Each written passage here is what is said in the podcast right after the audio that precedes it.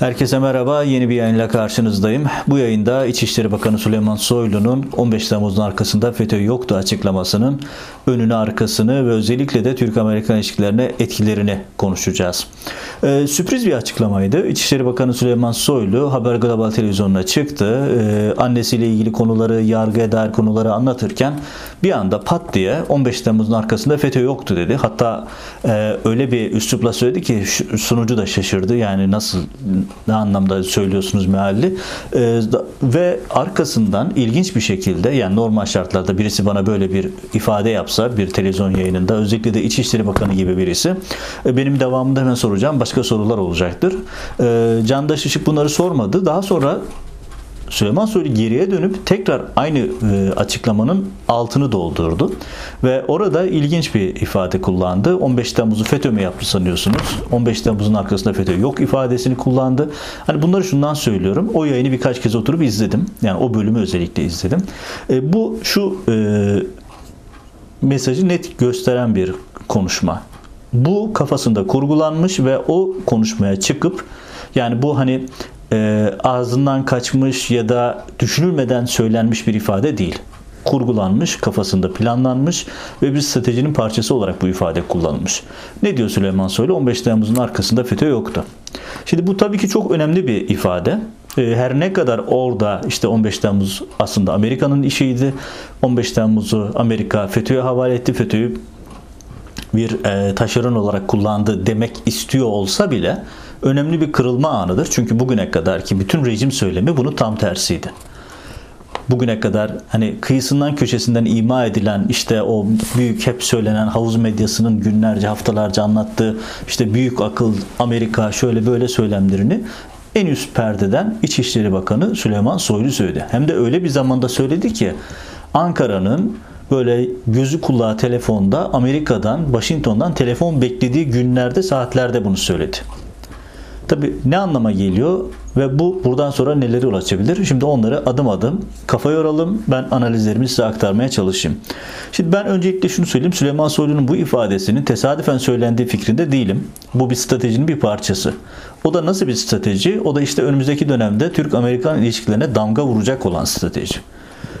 Erdoğan rejimi Amerika ile kavgaya hazırlanıyor. Yani Süleyman Soylu'nun yaptığı şey aslında Amerika'ya kafa atmak. Ne yapmaya çalışılıyor? Şimdi bunu sırasıyla anlatayım. Önce bir özet yapayım. Önce şu, malum Türk-Amerikan ilişkileri hayli kötü. Ee, ilk defa, tarihte ilk defa bir NATO üyesine, NATO'nun en önemli ikinci kara gücüne, hava gücüne sahip olan bir ülkesine ambargo koydu. Yani Amerika Türkiye'ye S-400'ler sebebiyle ambargo koydu ve bu ambargo önümüzdeki dönemde genişleyerek büyüyebilir. Yeni Dışişleri Bakanı Antony Blinken meclisteki Senato oturum toplantısı esnasında Türkiye için çok ağır bir ifade kullandı. Sözde müttefik ifadesini kullandı. Yeni Ulusal Güvenlik Danışmanı Sullivan e, Avrupalı meslektaşıyla görüşürken Avrupa Birliği temsilcisiyle görüşürken Türkiye'yi Çin'le birlikte tehdit sıralamasına koydu. Günler geçti, haftalar geçti. E, Türkiye henüz Washington'dan aranmadı. Beyaz Saray yönetimi dünyanın birçok ülkesini aradı, konuştu ama henüz Ankara ile görüşülmedi. Ha, bu şu demek değil. E, Salı günü itibariyle e, Sullivan e, muadili İbrahim Kalın ile bir telefon görüşmesi yaptı. Oradan sızan haberlere göre de e, belli başlı konular konuşuldu. İşte bunlardan yine bir tanesi S-400. Şimdi böyle bir atmosferde Süleyman Soylu televizyona çıktı ve direkt olarak darbeden Amerika'yı suçladı. Kaldı ki Joe Biden 15 Temmuz döneminde başkan yardımcısıydı hatırlarsınız Obama başkanlığı döneminde Ankara'ya geldi, meclisi ziyaret etti. Orada görüşmeler yaptılar. Hatta meclisi gezdirmişti AKP yönetimi. Şimdi bunu yapılmasının nedeni şu. Zaten S-400'lerle ilgili çok ciddi bir sıkıntı var. Zaten ambargo uygulanıyor. Zaten önümüzdeki bir ay sonra Halk Bankası davası başlıyor ki bence bütün mesele o zaten. Yani şimdi oraya geleceğim. Böyle bir denklem var. YPG ile ilgili çok ciddi bir sorun var. Çünkü Biden'ın yeni kabinesi Erdoğan'ın hoşuna gitmeyecek fikirlere sahip bir kabine. Dışişleri Bakanı'ndan, Ulusal Güvenlik Danışmanı'ndan Genelkurmay Başkanı'na kadar. Bütün bu ekip zaten Ankara'nın çok sevmediği bir ekip. Böyle bir tablo var ve böyle bir tabloda Biden'ın iddia ettiği bir yeni demokrasinin toparlanması vaadiyle geldiği bir yeni yönetim var. Şimdi böyle bir dönemde Ankara tuttu Süleyman Soylu üzerinden Washington'a kafa attı. Darbeyle suçluyorsunuz çünkü başka bir ülke. Üstelik siz NATO müttefiki olan bir ülkeden bahsediyorum. Şimdi ne oluyor? Aslında mevzu şu. Önce e, şunu tekrar bir hatırlatayım. Şimdi 15 Temmuz'un üzerinden 4,5 sene geçti. 4,5 yıldır Washington Ankara'dan 15 Temmuz ve Fethullah Gülen ilişkisine dair bilgi belge istiyor. 15 Temmuz'a dair bugüne kadar Washington'a iletilmiş, Amerika'ya iletilmiş herhangi bir belge yok, herhangi bir bilgi yok. Hani bakmayın Türkiye tarafı ısrarla diyor ki işte biz bugüne kadar 80 koli evrak gönderdik. O gelenlerin çoğu havuz medyası haberleri, çoğu e, altı boş iddialarla dolu e, mahkemeler, dosyalar vesaire. Hatta şunu net olarak söyleyeyim. 2019 e, Temmuz ayı içerisinde Erdoğan'ın Amerika'daki lobicisi Ekim Alptekin'in de tarafı olduğu Bijan Kian'ın yargılandığı bir mahkeme yapıldı. Fethullah Gülen'i kaçırma mahkemesi olarak da Türkiye kamuoyuna yansıdı. O mahkemede Amerikan Adalet Bakanlığı Dış İlişkiler Ofisi'nin başkanı geldi. Hatta savcının ismini de söyleyeyim. E, bölge savcısı John Gibbs'ti. Virginia bölge savcısı. E, Adalet Bakanlığı Dış İlişkiler Komisyonu Dış İlişkiler Başkanlığından bir heyet geldi. Bir Amerika'daki Bijankiyan'ın yargılandığı mahkemede Aleksandria'daki bölge mahkemesinde çıktılar. Fethullah Gülen kimdir? 15 Temmuz'da ne olmuştur? Türkiye'de ne olmuştur? Erdoğan arasındaki mücadele nedir? Bunları anlattı. Çünkü jüriye bunların anlatılması gerekiyordu. Ve orada net olarak Amerika Adalet Bakanlığı'nın görevlisi şunu anlattı. Dedi ki biz 15 Temmuz'a dair bugüne kadar herhangi bir delil bulamadık. Bize verilmedi. Biz Türkiye'den ısrarla delil istedik. Bize delil göndermediler. Hatta yetmedi. 2016 Eylül'ünde biz Türkiye'ye bir ekip yolladık. Bu ekip dosya nasıl hazırlanır? Türk muhataplarına briefing verdi. Arkasından gelen belge yine bizim standartlarımıza uyan bir belge değildi. Yine bize delil sunulmadı. Burada şu önemli parantezi de anlatayım. Türkiye 15 Temmuz'a kadar düşünün 17-25 Aralık 2013'ten itibaren paralel devlet, paralel devlet işte terör örgütü söylemlerini yaptı. Ama Amerika'ya gönderilen ilk dosya Fethullah Gülen'le ilgili ilk dosya ne zaman biliyor musunuz? 15 Temmuz'dan 4 gün sonra. Yıllarca beklemişler 15 Temmuz'dan 4 gün sonra ki 15 Temmuz'da hafta sonuna geldiğinde alırsanız ilk iş gününde Amerika'ya Fethullah Gülen'in tutuklanması iadesiyle ilgili dosya gönderiyorlar ve içerisinde 15 Temmuz yok onu da söyleyeyim. Sadece paralel devlet söylemleri var. Ve bugüne kadar düşünün bakın Temmuz 2019'a kadar gelen süre içerisinde Adalet Bakanlığı, Amerika Adalet Bakanı defaatle bize delil gönderin dediği halde herhangi bir delil sunulamadı. Ha, bugüne kadar gönderilenlerin tamamı da Amerika delil standartlarına uymuyor. Yani ki özellikle işkencenin Anadolu Ajansı ile servis edildiğini tekrar hatırlatayım. Sonuçta bu haberleri Amerikalılar da görüyorlar. Ve Özetle söyleyeyim Amerika hala Türkiye'den delil bekliyor. Ve 4,5 sene geçmesine rağmen Türkiye Amerika'ya herhangi bir şekilde Fethullah Gülen'le darbe arasında bir bağ ortaya koyabilmiş değil. Bu hatırlatmayı yapmamın nedeni şu. Şimdi Süleyman Soylu'nun bu şekilde çıkışının bir mantığı var. O da diplomasiye bakan bir boyut. Yani hukuke bakan, hukuken şunu söyleyeyim. Hani Türk-Amerikan ilişkilerini analiz eden birçok siyasetçi ve akademisyen ya da işte Türkiye uzmanı e, sorunları sayarken işte S-400'leri, yaptırımları, şunları bunu sayarken ardından Fethullah Gülen diyor. E, bu konu Amerika tarafında öyle algılanmıyor. Amerika'da Fethullah Gülen meselesi yargının meselesi olarak bakılıyor ve yargı bu konuya Türkiye'den çok farklı bakıyor. Yargı bugüne kadar sadece delil bazlı baktı ve şu anda açıkçası yargının da gündeminde değil çünkü Türkiye herhangi bir delil yollamış değil. Yani madem bu kadar iddialısınız, Fethullah Gülen ve ekip darbeye kalkıştı. Delilini gönderin diyor adamlar ve gelmiş olan bir delil yok. Şimdi bu işin bir boyutu yani ben bu videoda 15 Temmuz'u kim yaptı yapmadı tartışmasına girecek değilim. Benim bu videoda ve önceki videolarda çok yoğun bir şekilde bütün delilleriyle anlattığım bir realite var. 15 Temmuz bir darbe değildi. Fethullah Gülen'in ekibinden ya da Fethullah Gülen cemaatin mensup olduğu iddia edilen birilerine darbeye karışmış olduğu ortada ama bu cemaatin bir darbeye kalkıştığı 15 Temmuz'un da bir darbe olduğu e, gerçeğini e, darbe olduğu gerçeğini teyit etmiyor. 15 Temmuz bir darbe değildi. 15 Temmuz bir e, kurgu operasyondu ve bizzat planlayıcısı, organizatörü Akar, Fidan ve Erdoğan üçlüsüydü. Şimdi Peki tekrar geri dönüyorum. Süleyman Soylu 4,5 sene sonra neden böyle bir açıklama yaptı? Şimdi Türk-Amerikan ilişkileri hayli krizli.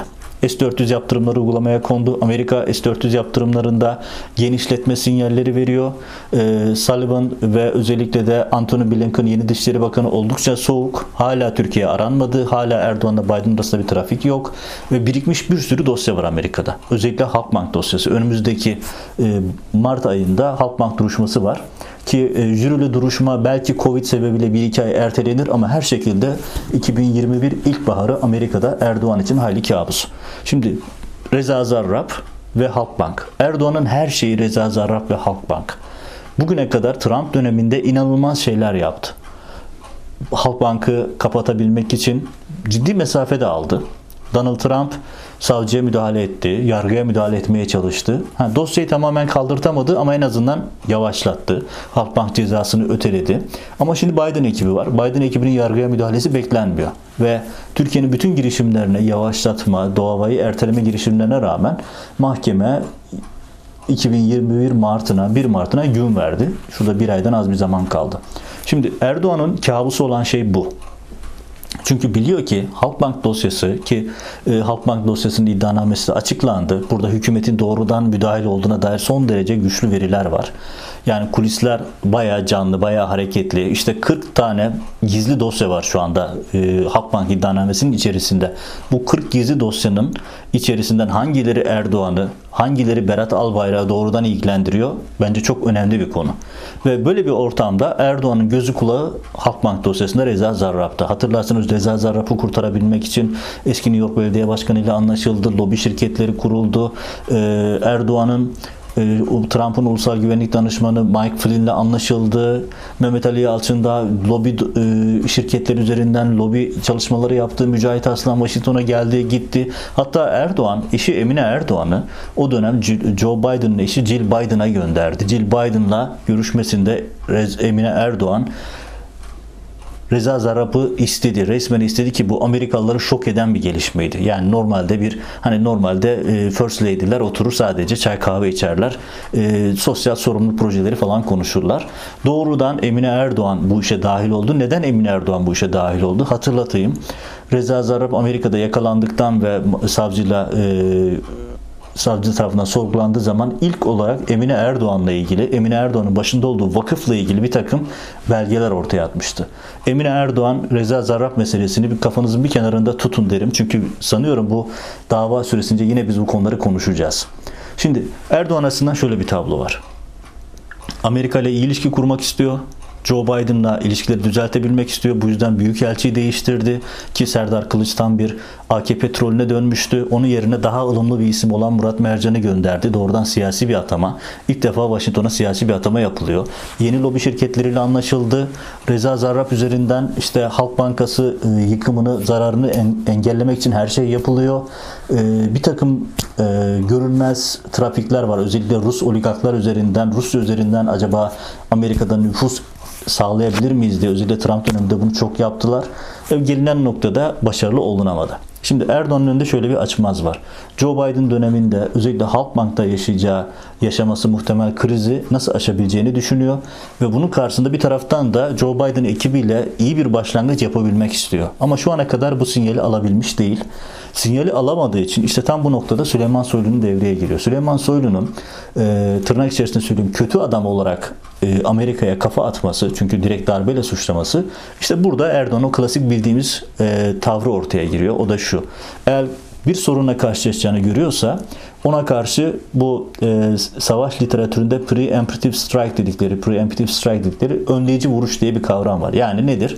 Eğer birisi size karşı bir hamle yapacaksa siz önce vurursunuz, o karşıyı savunmaya geçirirsiniz. Şimdi burada Trump Erdoğan'ın yaptığı, Süleyman Soylu üzerinden yaptığı şey şu. Kötü adam Süleyman Soylu Amerika'yı suçluyor. İyi adam İbrahim Kalın Amerika ile ilişkileri toparlamaya çalışıyor. Unutmayın Amerikalıların çok önemsediği bir şey vardır. O da şu. Dünyanın değişik ülkelerinde özellikle Türkiye gibi ülkelerde Amerikan düşmanlığının büyümesini, yükselmesini istemezler. Şimdi Amerikan düşmanlığının yükseliyor olması Amerika için çok istenilen bir durum değil.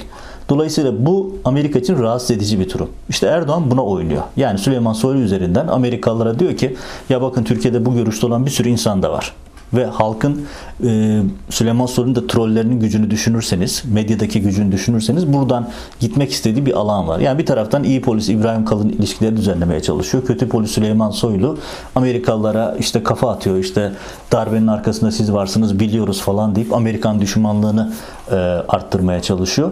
Erdoğan'ın oyun planı aslında 17 Aralık oyun planına çok benziyor. Neydi 17 Aralık oyun planı? Reza Zarrab'ın istihbarata takıldığını, emniyet istihbaratına takıldığını, e, İstanbul Maliye e, Polisi'nin Reza Zarrab'ın ilişkilerini takip ettiğini öğrenince hatırlayın e, Egemen şeyin Muammer Güler'in meşhur bir ifadesi vardı. Senin önüne yatarım Reza dediği o telefon tapesi. İstanbul polisinin Reza Zarrab'ı yakaladığını öğrendiği zaman Erdoğan rejimi durup dururken 2013 sonbaharında dershane tartışmasını açtı. Bu dershane tartışması tıpkı Süleyman Soylu'nun 15 Temmuz'un arkasında Amerika vardı söylemi gibi bir önleyici vuruştu. Burada Erdoğan çok başarılı yaptı bunu. Gerçekten e, geriye dönüp bakıldığı zaman da çok stratejik bir hamle olduğu çok daha net gözüküyor. 17 Aralık operasyonunun geleceğini görünce direkt dershaneyi ortaya atıp cemaat kavgasını, cemaatle kavgayı erken başlattı. Daha doğrusu cemaatle 15 Temmuz'u işte pardon ben dershaneye ortaya attım. Onlar da bana karşılığında ders şey yaptılar. Eee 17 Aralık operasyonunu başlattılar söylemiyle ciddi bir mevzi aldı. Aynı taktiği burada yapıyor. Yani kendisine gelmekte olan bir sıkıntıyı gördüğü için işte Halkbank davası özellikle bakın bir ay sonra Halkbank davası başlıyor. Reza Zarrab hala savcıyla işbirliği içerisinde hala final oturumu yapılmadı. Reza Zarrab'ın dosyası hala açık. 40 tane gizli dosya var ve daha önceki duruşmaları ben yerinde gür gün izlemiş birisi olarak söyleyebilirim ki burada biz Berat Albayrak ismini çok duyacağız, Erdoğan ismini çok duyacağız, Emine Erdoğan ismini çok duyacağız. Çünkü Emine Erdoğan'la ilgili bir sürü dosya sundu Reza Zarrab daha önce. Şimdi bunların hepsi çok duyulacak ve Erdoğan buna karşı bir hamle yaparak Amerika ile kontrollü bir gerginlik çıkarmaya çalışıyor. Amerika ile gergin bir başlangıç yaparak hani şu var negatif değil pozitif bir başlangıç yapmak istedi ama istediği sinyalleri göremediği fikrindeyim. İstediği sinyalleri alamadığı için şimdi karşı hamleyle gerginlik çıkartarak Amerika ile kavga etme e, imajı oluşturarak gündeme başlayacak ve Amerikalılarla bir araya geldiği zaman direkt olarak Amerikalıları savunmada bırakma eyleminde. Yani bu biraz savunmada bırakma hamlesi. İşte Amerikalılar yok kardeşim biz 15 Temmuz'u yapmadık. Burada nereden çıkartıyorsunuz gibi savunmayla başlamasını bekliyor. Böyle bir hamle yapıyor. Yoksa 15 Temmuz'un arkasında kim olduğunu, 15 Temmuz'da ne olduğunu, ne bittiğini en iyi Erdoğan biliyor. Çünkü en iyi kendi yaptığını bilir. Sonuçta 15 Temmuz'un kurgusu sarayda e, kurgulanmış bir hadise ve 15 Temmuz'u dediğim gibi darbe olmadığını en iyi Süleyman Soylular biliyor, kendileri biliyor. Ve burada yapılmak istenen şey şu, Amerika ile e, hani gelmekte olan bir problem olduğunu görüyor Erdoğan. Özellikle bir ay sonra başlayacak olan ki belki Covid sebebiyle biraz gecikecek olan ama en nihayetinde bu ilkbaharda görülecek olan, jüril olarak görülecek olan bir Halkbank davası var. Erdoğan gelmekte olan problemi gördüğü için Amerika ile kontrollü bir gerginlik oluşturmaya çalışıyor. Toplumda Amerikan düşmanlığını arttırmaya çalışıyor. Çünkü Amerikalıların Amerikan düşmanlığını önemsediğini biliyor. Ve bu şekilde hani kötü polis Süleyman Soylu, iyi polis İbrahim Kalın, Erdoğan'da işte bakın Türkiye'de böyle bir algı da var deyip Amerikalılarla bir şekilde e, pazarlık yapma, elini güçlendirme e, çalışmasından ibaret. Yani bu Süleyman Soylu'nun çıkışı Erdoğan'ın bilgisi ve e, koordinasyonu dahilinde Amerika ile önümüzdeki dönemde takip edilecek olan e, stratejinin bir parçası. Ha, burada şu e, şeyi atlamamak gerekiyor. Yani 15 Temmuz'un arkasında kim vardı kim yoktu. Ya burada e, onlarca video yaptım, yüzlerce yazı yazdım. 15 Temmuz bir darbe değildi. 15 Temmuz bir darbe girişimi değildi. Bu şu demek değil darbe yaptığını düşünen, darbe yapma niyetiyle yola çıkan insanlar yok muydu? Vardı. Az sayıda bir grup darbe yaptığını sanıyordu az sayıda bir grup gerçekten darbeye e, emir komuta içerisinde hareket ettiklerini sanıyordu. Ama bir baktılar ki darbe falan yok. Boş havuza atlamışlar. Çünkü Hulusi Akar bir taraftan alttaki kadroyu darbe yapacağız böyle olmaz diye motive edip onları hazırlarken öbür taraftan Fidan ve Erdoğan'la nasıl bastırılacağını, nasıl tuzağa düşürüleceğini kurgulamış ve o gün sokağa çıkan herkes aslında zaten sonucu belli olan e, tabiri caizse e, tuzaklanmış bir e, tiyatronun içerisine çekilmişlerdi. Yani aslında Süleyman Soylu da biliyor 15 Temmuz'un gerçekten bir darbe olmadığını. E, AKP yöneticileri de çok biliyor çünkü kendi kurguladıkları bir e, olaydı. Hani çok belli bir laftır. Olayın içerisinde ne olduğunu bilmeyebilirsiniz ama sonuçlara bakarak geri dönüp okuma yapabilirsiniz. 15 Temmuz'da ne olduğunu bilmeyebilirsiniz. Dosyaları okumayabilirsiniz. Hani binlerce sayfa evrak mı okuyacağım diyebilirsiniz. Ama dönün bakın 15 Temmuz'dan bugüne kadar yaşananları bir göz önüne alın. Aslında fail orada tabiri caizse kabak gibi ortada duruyor. Failin kim olduğu çok net belli. Ha, bu bir 15 Temmuz videosu değil. O yüzden 15 Temmuz'a geri dönmeyeceğim. Ama karşımızdaki tablo şu. Türk-Amerikan ilişkileri hayli gergin. Ee, Erdoğan Biden yönetiminden henüz istediği sinyalleri alamadı. Biden yönetimin şu ana kadarki verdiği mesajlar da Erdoğan'ın uykusunu kaçıracak türden ve Erdoğan için en önemli olan şey son 5 yıldır bir tane konu var. Halkbank ve Reza Zarrab. Neden? Çünkü kendisi, damadı, eşi, bütün aile fertleri bu dosyanın bir tarafından çıkabilir. Ve dolayısıyla Erdoğan'ın eğer bu dosyayı önleyemeyeceğini gördüğü anda Erdoğan'ın şu an yaptığı şey o bu dosyayı önleyemeyeceğini gördüğü anda, bu dosyadan başını arayacağını gördüğü anda Amerika ile bu tip kavgalara girerek, gerginlik oluşturarak bir bakıma Türkiye'de Amerikan düşmanlığını körükleyerek Amerikalılara karşı koz elde etmeye çalışıyor. Süleyman Soylu'nun son hareketinin anlamı bu. Ha, tekrar söylüyorum. Süleyman Soylu'nun 15 Temmuz'un arkasında FETÖ yoktu ifadesi doğru. Birden fazla doğru var bu cümlede. Bir Cemaat terör örgütü değil. 2. FETÖ sanal bir örgüt. Gerçekte böyle bir terör örgütü yok. 3. 15 Temmuz bir darbe değildi. Darbenin arkasında doğal olarak kastedildiği şekilde Fethullah Gülen ve cemaat yok. Ha, bu şu demek değil. Darbeye cemaatten insanlar karışmadı mı? Karıştı. Ama darbeye karışan, darbemsi eylemlere karışan başka gruplar da var. Hatırlatayım. Erdoğan'ı çok sevdiği Yusuf Kaplan, Yeni Şafak'ın yazarı Habertürk ekranlarında çıktı. Dedi ki 15 Temmuz öncesinde Kemal Subaylarla anlaşma yapıldı dedi. Buna dair çok sayıda dosya yazdım, yazı yazdım, fişleme belgelerinden diğer verilere kadar çok sayıda detay var. Hala hazırda 15 Temmuz'un üzerinde kalın bir sis perdesi var ve Erdoğan bu sis perdesini özellikle kapalı tutuyor. Bugün Amerika ile ilişkileri sebebiyle arkasında Amerika vardı diyecek. Yarın Rusya ile sıkıntısı olsun dönecek 15 Temmuz'un arkasında Rusya vardı diyecek. Yarın Kemalist askerlerle ya da ulusalcılarla sorunu olsun ya da yarın CHP ile ilgili sorunu olsun dönecek 15 Temmuz'un arkasında CHP vardı diyecek. Çünkü tam da Erdoğan'ın 15 Temmuz kurgusu böyle bir kurgu. İhtiyaca göre şekillenecek ama realitesi şu 15 Temmuz bir darbe değildi. 15 Temmuz darbe girişimi süsü verilmiş bir tuzaktı. Ee, ve bu dosyaya dair yani 15 Temmuz'a dair sayısız dosya yaptım. Toparlayacak olursam fazla uzatmadan e, özetle söyleyeyim. Erdoğan Amerika ile olan ilişkilerinde tıpkı 17 Aralık sonrası yaşadığı gibi önceden gerginlik çıkartarak, önceden e, kavga ediyor görüntüsü vererek Amerikalılarla bir pazarlığa oturmaya çalışıyor. Bu pazarlığa oturmanın bir parçası olarak da evet 15 Temmuz'un arkasında siz vardınız gibi tehlikeli bir kumar oynuyor. Bakalım bu kumarın sonucuna Amerika'dan nasıl bir yansıma olacak? Amerika bu e, ithama nasıl cevap verecek? Onu da önümüzdeki günlerde gelişmelerde size aktarmaya çalışacağım. Önümüzdeki yayınlarda görüşmek üzere.